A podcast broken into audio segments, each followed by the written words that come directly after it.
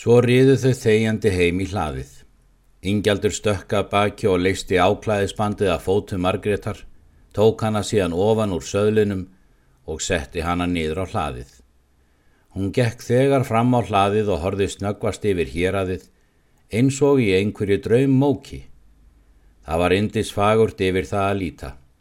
Sólin var komin ofan í fjálsrætur hinum einn í fjöllunum með blóðraut sólskinnið en blá dökk skuggast líkja lág yfir eilendinu. Vötnin og kvíslarnar liðust eftir dökkgrætni flatniskinni en hegra nesið reist dökkvara við, þar sem klappirnar bar upp og leki mjúkum litabrygðum. Fram til hérasins knæfði mælifellsnjúkur yfir héraðinu eins og konungur klættur sóllitkuðum purpur að mölli, en til norður sklampað á fjörðin og drángei hósi bleikra upp úr hafinu eins og varnar virki hérasins. Það var eins og Margretu hefði aldrei sínst héraðið eins fagurt og þá. En það var samt eins og það gæti einhvert vegin ekki glatt hana. Oft hafði fegurð héraðsins glatt hana og lift anda hennar, engum þegar hún var yngri og hafði vakað yfir túninu á vorin. Þessi mikla víðátta sveitarinnar, umkringt stálsettum fjöllum og tröllauknum hamraborgum, hafði skapað henni víðan innri sjóndildarhing og ramlega umgerð utanum hann. Lift anda hennar hátt og gert hann að næma fyrir öllum fögrum og göfum áhrifum. Og henni hafði ennst þetta oftast, allt til þessa. En nú brást það. Henni fannst hér aðeð dapurt, fjöllin og fjarrri til þess að geta stutt sér við þau. Þögnin og kyrðin þung og lamandi. Það var einhver þingsla byrði yfir henni sem hún gat með engu móti hrundið af sér. Hjartað sló ótt og títt og ekki reglulega. Það fór ennum hannar hollur. Augun sá allt í tómri brotamóðu. Þau fylltust af tárum. Hún gekk hægt út af kirkjunni, likillinn stóð í henni. Hún opnaði hana, gekk undur hægt inn gólfið, stóð við í öðru hverju spori, tanga til hún var komið nærri inn að altari. Svo gekk hún til hliðar að norðaustur horninu. Þar fjall hún fram á nýjaskemil, frammi fyrir marjumyndinni frægu og fór að byggjast fyrir. Ingjaldur sprett af hestónum, Let reyðtíðin inn í skemmu og ætlaði síðan að hleypa hestónum upp fyrir túngarð. En í sömu svifunum kom Sveitn heim í hlaðið með lestina og var nú alls ekki sifjaður. Þeir tóku nú ofan af hestónum, sprettu af þeim og svo flutti Sveitn hestana upp fyrir tún. En Ingjaldur let klifjarnar inn í skemmuna og lokaði henni síðan. Honu var ekkert létt í hug. Samtal þeirrar Margreðar hafði sett í hann óhug meir en hann skildi í. Hann elskaði Margretu af heilum hug og hafði gert það lengi og hann hafði aldrei efast um að það myndi ganga eins og í sögu að fá hennar og hann vissi að hún elskaði hann líka.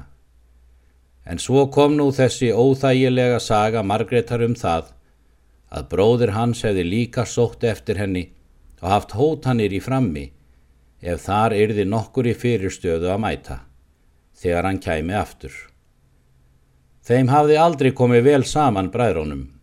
Helgi var ágengur og let aldrei hlutsinn hver sem í hlut átti og sveist einskis þegar út í hart var komið.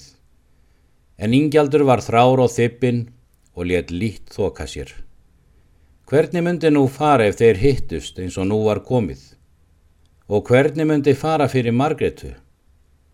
En undan skildan aldrei láta. Það skildi þá fyrir skrýða til skarar. En létt var honum ekki. Hann gekk nokkrum sinnum fram og aftur eftir hlaðinu. Svo varð honum reykað til kirkjunar. Hún stóð í halva gátt eða vel það. Hann opnaði hann og gekk inn. Það var eitthvert hátíðlegt rökkur yfir öllu þar inni. Gluggarnir á austurstafninum voru ekki stórir og auk þess döyfir og daprir með rósum og myndum í, svo að byrtan var döpur og mild. Það hafði sefandi áhrif á hann að koma þar inn. Það var eins og loftið í kirkjunni var í þrungið einhverjum heilögum anda sem verkaði fríðandi á órólegar hugsanir og mildandi og græðandi á særð hjörtu. Hann sá að Margret lág á bæn frammi fyrir marjumyndinni þegar hann kom inn.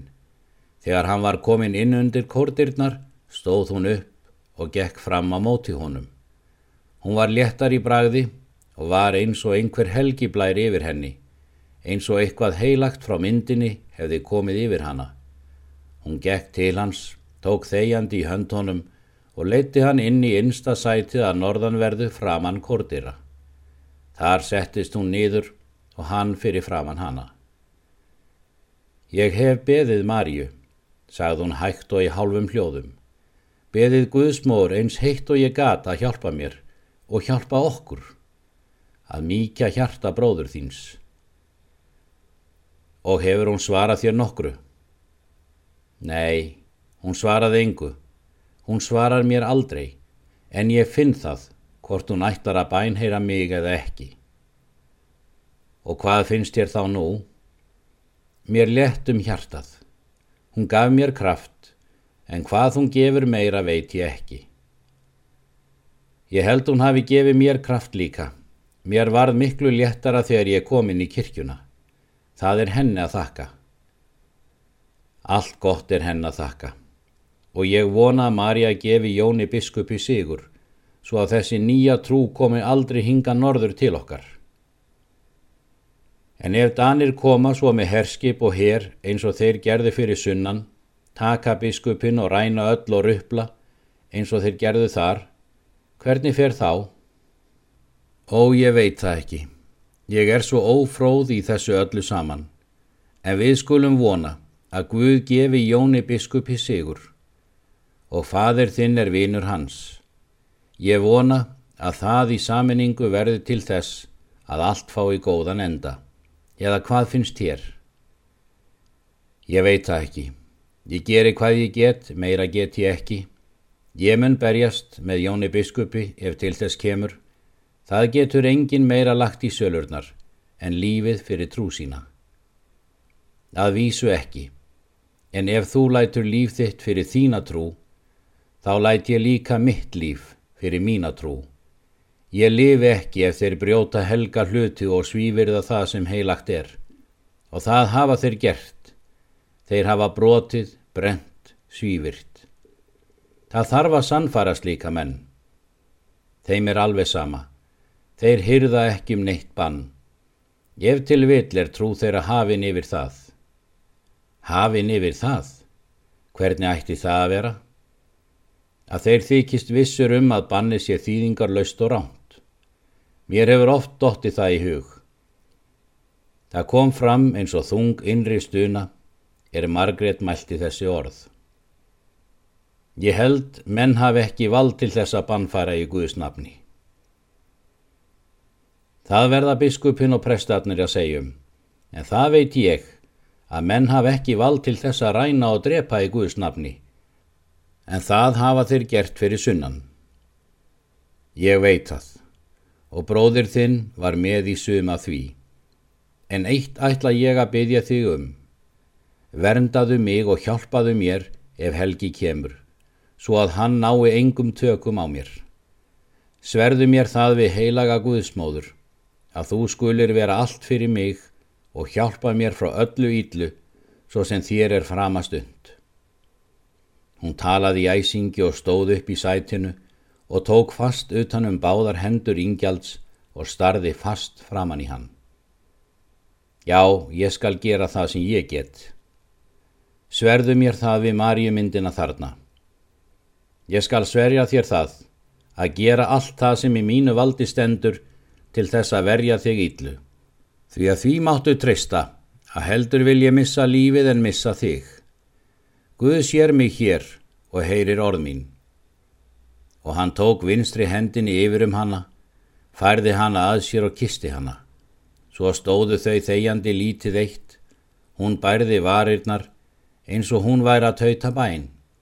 Hann stóð þar vígalegur og hnarreistur eins og hann ætlaði að bjóða öllum heiminum byrgin. Svo var þeim báðum litið inn í gegnum hið gegnsagaða rósaþil sem var þar milli kors og kirkju. Sólinn rann upp í þessu byli og kastaði míslitum geyslum inn um gluggan, inn á höfuð marjumyndarinnar og barsins sem hún hjælt á.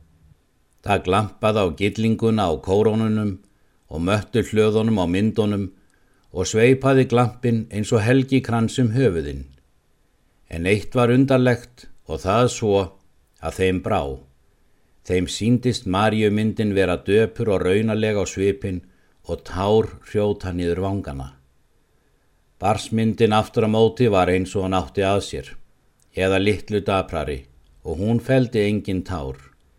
En helgisvipurinn eða gíslakransinn frá glugganum sem sveipaðist um höfuð hennar var enn skærar en sá sem sveifum höfuð Marjumyndarinnar. Það var eins og þeim ingjaldu og margrétu hefði verið lesin dauðadómur. Þau stóðu aktofa og litu hvort til annars. Svo gengu þau fram úr sætinu og inn fyrir kórstafin og litu inn á myndirnar aftur. Þá voru þær eins og þær áttu að sér. Ó Guð minn góður, hljóðaði Margrét upp yfir sig. Marju myndin grætur. Ó heilaga Guðsmóðir, ætlarði ekki að hjálpa mér eða getur þau það ekki? Og hún reikaði inn í sætið aftur, neig þar niður, greið báðum höndunum fyrir andlit sér og fekk þungan grát ekka. Ingjaldur settist niður hjá henni, vafði hana að sér og reyndi að hugga hana með ástúðlegum fortölum. Loksins tóst honum að sefa hana og láta hana jafna sig, svo leiti hann hana inn.